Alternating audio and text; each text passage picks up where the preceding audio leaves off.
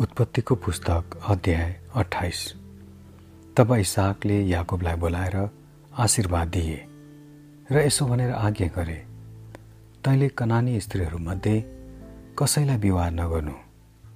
पद्देन आराममा तेरी आमाका बुबा बतुवेलको घरमा गएर त्यहीबाट तेरा मामा लाबानका छोरीहरूमध्ये एउटीलाई विवाह गर। सर्वशक्तिमान परमेश्वरले तँलाई आशिष दिउन्। र तँलाई फल्दो फुल्दो गराएर तेरो वृद्धि गराउन् र त मानिसहरूको एक समुदाय होस्। परमेश्वरले तँलाई र तेरा सन्तानहरूलाई अब्राहमले पाएको आशिष दिउन् कि त प्रवासी भएको यस देशमा जो परमेश्वरले अब्राहमलाई दिनुभएको हो तेरै अधिकार होस्। यसरी इसाहकले याकुबलाई पठाए। तिनी बद्दन आराममा एसाब र याकुबकी आमा रिबेकाका दाजु अरामी बतुवेलका छोरा लाभान कहाँ गए। अब इसाहकले याकुबलाई आशीर्वाद दिएर पत्नी ल्याउन त्यहाँबाट पत्तन आराममा पठाएछन् र तिनलाई आशीर्वाद दिएर तैँले कनानी स्त्रीहरूमध्ये कसैलाई विवाह नगर्नु भन्ने कुरा एसाबले थाहा पाए र याकुब बाबुआमाको आज्ञा मानेर पद्दन आरामतर्फ गएछ भन्ने पनि हिसाबले थाहा पाए। कनानी स्त्रीहरू उनका बुवामा मन पर्दैन रहेछ भन्ने जब हिसाबले पत्ता लगाए तब हिसाब इस्माइल कहाँ गए र उनका आफ्ना पत्नीहरू बाहेक अब्राहमका छोरा इस्माइलकी छोरी र नबायोतकी बहिनी महलतलाई आफ्नी पत्नी तुल्याएर ल्याए। वर्सेवा छोडेर याकुब हारानतिर गए। कुनै एउटा ठाउँमा पुगेपछि सूर्य अस्ताएको हुनाले तिनी त्यस रात त्यहीँ बास बसे। त्यस ठाउँका ढुङ्गाहरूबाट एउटा लिएर तिनले आफ्नो सिरान बनाएर सुत्नलाई त्यहीँ पल्टे।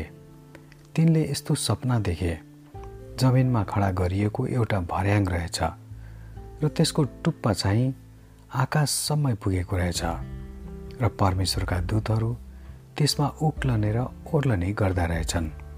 परमप्रभु त्यसमाथि उभिनुभयो र याकुबलाई भन्नुभयो म परमप्रभु तेरा पिता अब्राहमका परमेश्वर र इसाहका परमेश्वर हुँ। जुन भूमिमा त ढल्किरहेको छस् त्यो म तँलाई र तेरा सन्तानहरूलाई दिनेछु।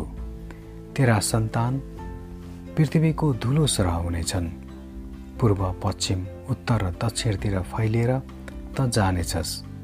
त र तेरा सन्तानहरूद्वारा नै पृथ्वीका सबै मानिसहरू आशीर्वादी हुनेछन्। हेर म तँसँग छु र त जहाँसुकै गए तापनि तँलाई रक्षा गर्नेछु र तँलाई यस ठाउँमा फर्काएर ल्याउनेछु। मैले तँलाई भनेको कुरा पुरा नगरुन्जेल म तँलाई छोड्ने छैन। तब याकुब निन्द्राबाट बिउजेर भने निश्चय नै यस ठाउँमा परमेश्वर हुँदो हुँदो रहेछ। र यो मलाई थाहा थिएन। तिनी साह्रै डराए। र तिनले भने यो ठाउँ कस्तो भयावह रहेछ। यो त परमेश्वरको घर बाहेक अरू केही होइन रहेछ। यो त स्वर्गको ढोका पो रहेछ।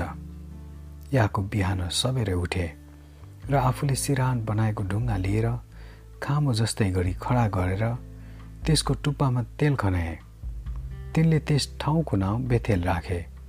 पहिले त्यस ठाउँको नाउँ लुज थियो। तब याकुबले यसो भन्ने भाकल गरे।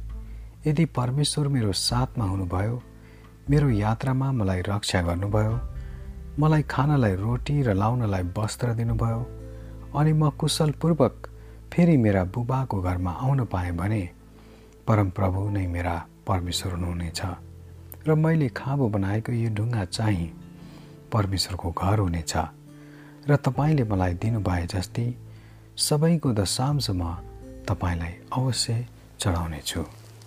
Amen.